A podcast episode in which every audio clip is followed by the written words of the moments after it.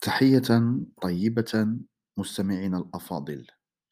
نواصل في هذه الحلقة قراءة مخطوط مؤلف هوية الشخصية المغربية لمؤلفه الأستاذ الحسن بن صبيح بالحديث عن مفهوم الوطن الذي جاء المسلمون به للمغرب.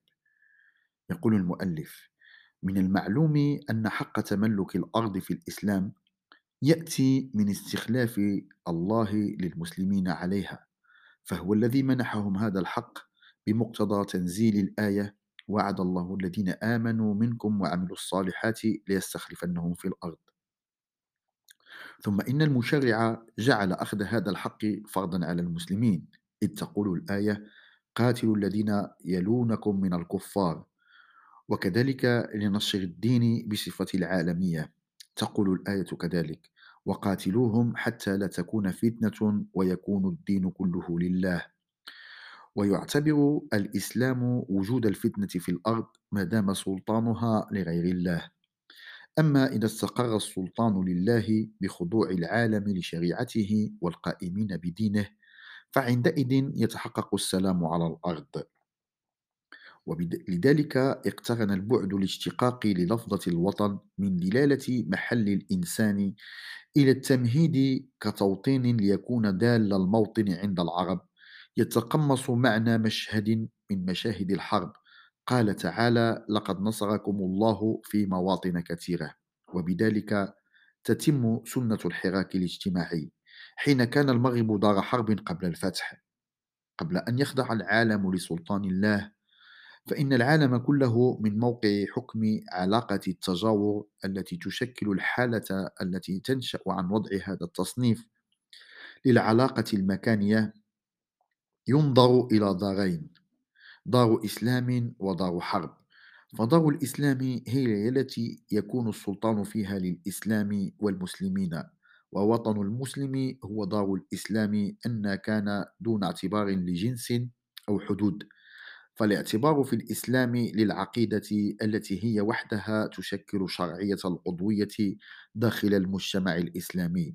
ولذلك وجب على المسلم الهجرة فهي سنة في حال تمكن المسلم من إقامة دينه. أما إذا عجز عن إظهار دينه كانت فرضا واجبا. ويمكن تقسيم دار الإسلام إلى أصنافيات تحكيمية. أولا دار العدل. وهي التي يقام الإسلام فيها وتحمى السنة وعلى رأسها خليفة شرعي للمسلمين.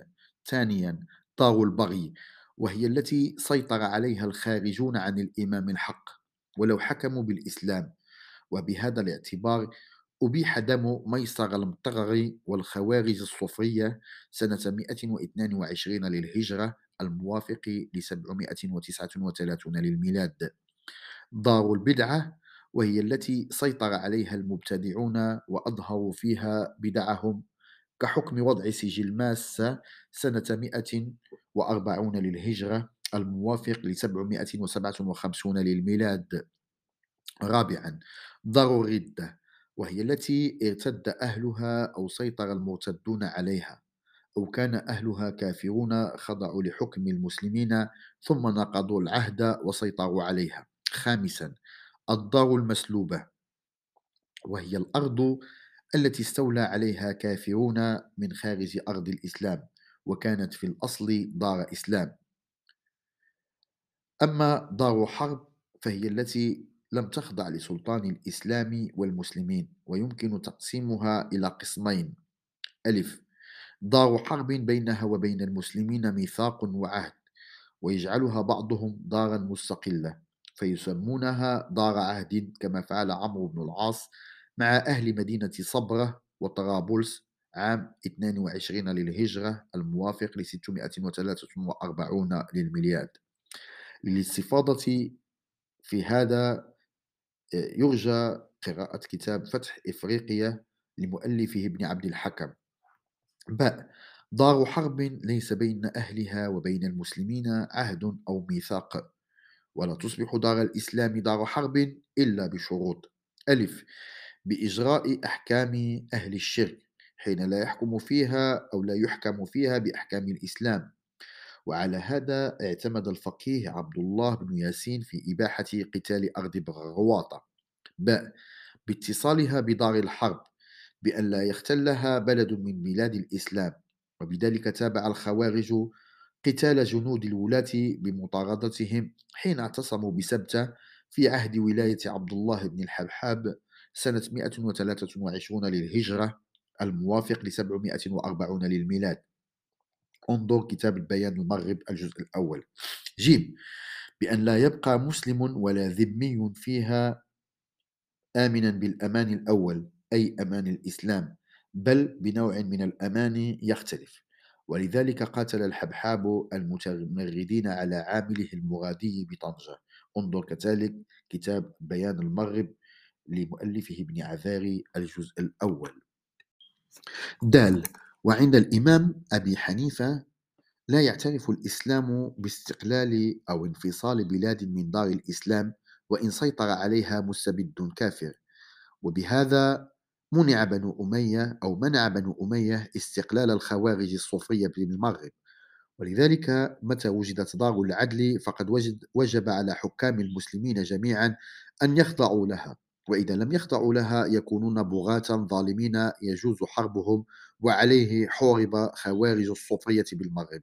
ها في حالة كون دار الإسلام دار عدل فإن إمام المسلمين عليه أن يقيم الجهاد لتوسيع هذه الديار حتى يصبح العالم كله دار إسلام. وهذه المنطلقات كلها فرائض حكمت على الفتح بالمغرب أن يمر بتدريج كما فعل عمر بأهل برقة. وقد طبقت هذه الاعتبارات على المناطق التي تم فتحها تدريجيا بمقتضى الظروف السياسية. ويمكن لنا أن نعتبر ديار الإسلام الأولى بهذا المفهوم قد انحصرت حفظ الإسلام عليها حسب التالي كنموذج للإيضاح. دار الإسلام ببرقة من صنف دار عدل مكث بها عقبة بن نافع سنة 22 للهجرة. وقد كانت أرض صلح وهي على حدود المغرب بعرف أهلها في ذلك العصر. دار إسلام بالقيروان بنيت بقونية معسكرا للمسلمين في حملة ابن خديج ثم تمصرت على يد عقبة بن نافع.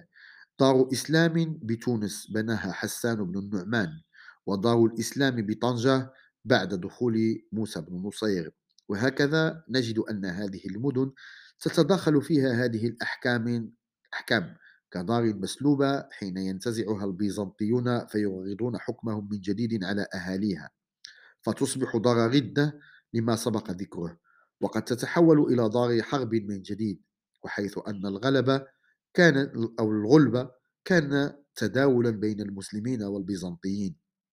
فإن حكم اعتبارها دار ردة هو ما عليه بنى الإمام أبو زيد القيرواني في رسالته حين قال ارتد المغيون اثنتي مرة قبل دخول موسى بن نصير دار عهد أولها بهذا الحكم طرابلس فقد فتحها عمرو بن العاص عنوة وصالحهم على جزاية على جزية ويمكن أن نعد بعدها سبتة دار عهد لحين وصول عقبة بن نافع وأوائل حملة موسى بن نصير التي تحول حولتها عفوا إلى دار إسلام وكانت سبتة أيام ثورة الخوارج الصوفية في عصر الولاة دار هجرة تحصن بها المسلمون. واعتبرت طنجة دار بغي في ثورة 122 للهجرة الموافق ل 739 للميلاد عهد الخليفة هشام بن عبد الملك. وقس على ذلك مثل هذه التعاريف التي تعتبر تعاريف إجرائية. فالردة لم تكن في الاصطلاح الفقهي التشريعي إلا من هذه الضوابط ذلك أن أهالي المدن المفتوحة عقب مغادرة الفاتحين انشغلوا عن الاهتمام بتحسين إسلامهم إلى صد غارات جديدة يأتي بها الروم لاسترداد نفوذهم على هذه المناطق ولما يدخل الإيمان قلوبهم. ومعلوم أن السكان حين صبح عليهم الإسلام بحركة الفتح انقسموا في موقفهم إلى طبقتين طبقة مسالمة وهي عادة تضم الفلاحين الذين لم ينهضوا عن أرضهم ولم يشاركوا في قتال أو صد. ثم طبقة المقاتلة وتشمل الذين تحركوا لصد الفاتحين وهي عادة تضم النبلاء والفرسان والأعيان المدنيين الذين كانوا أصحاب نفوذ في الأرض وذوي سلطة فيها. وعلى هذا الأساس توضع تصنيفات شروط الصلح الذي أوردها الطبري في تاريخه تحت هذا الباب. وبنى عليها الدكتور شكري فيصل طروحات دراسته.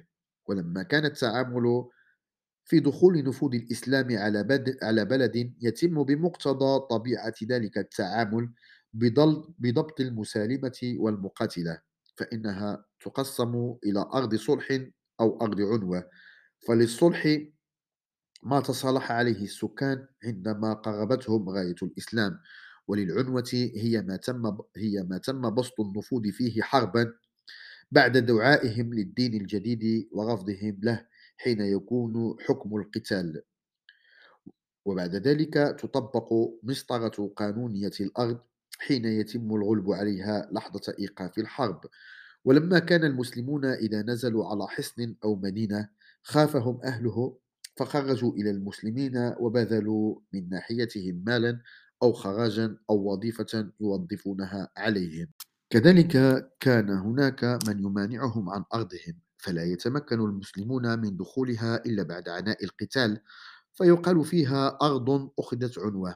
وأمام هذا يحدث تارة في حركات الفتح أن تجتمع الحالتين صلحا وعنوة في مكان واحد وفوق أرض واحدة فيكون حكم الشرع فيها أنها أرض مختلطة ولذلك كان صعبا على الناس تمييز عمليات الفتح في كثير من الجهات عند انتهاء القتال ووقف الحرب.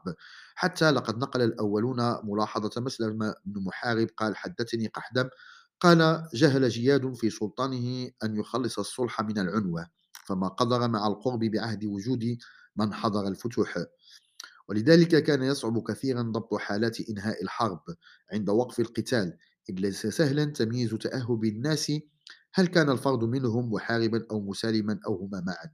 فإذا أسلم الرجل من أهل أرض العنوة وأقرت أرضه في يده. يرى الفقهاء أن يعمرها ويؤدي الخرج عنها ومع ذلك تبقى حالة توقف القتال أشبه بحديث سير يحتاج إلى ضوابط دقيقة لتحديد ترسيماتها وأبعادها. حتى يمكن ضبط عقد الصلح بتحديد حدود المواقع التي اجتاحها القتال عند الفتح على أن أرض العنوة تؤول إلى الفاتحين وتصبح ملك غلب لهم. أما الأرض الصلح فهي تبقى في يد أصحابها الذين يقرون بالجزية للغالبين. وقد كان الرسول صلى الله عليه وسلم قد سن قانونا استثنائيا في غزوة تبوك ودومة الجندل حين وقف من أرض العنوة فوق أرض الصلح خاصة حين يدعى الأهالي إلى الجزاء فيجيبون كما في عقد عقد الصلح عند فتح النوبة الذي أورده الطبري. ونصه وعلى أهل النوبة الذين استجابوا أن يعينوا بكذا وكذا. وقد اقتدى عمر بن الخطاب بسنة الرسول تلك. فمنع عمرو بن العاص من تقسيم أرض مصر وأرسل وأرسل عفوا إليه أمرا بقوله وذرهم يكون خراجهم فيئا للمسلمين وقوة لهم على جهاد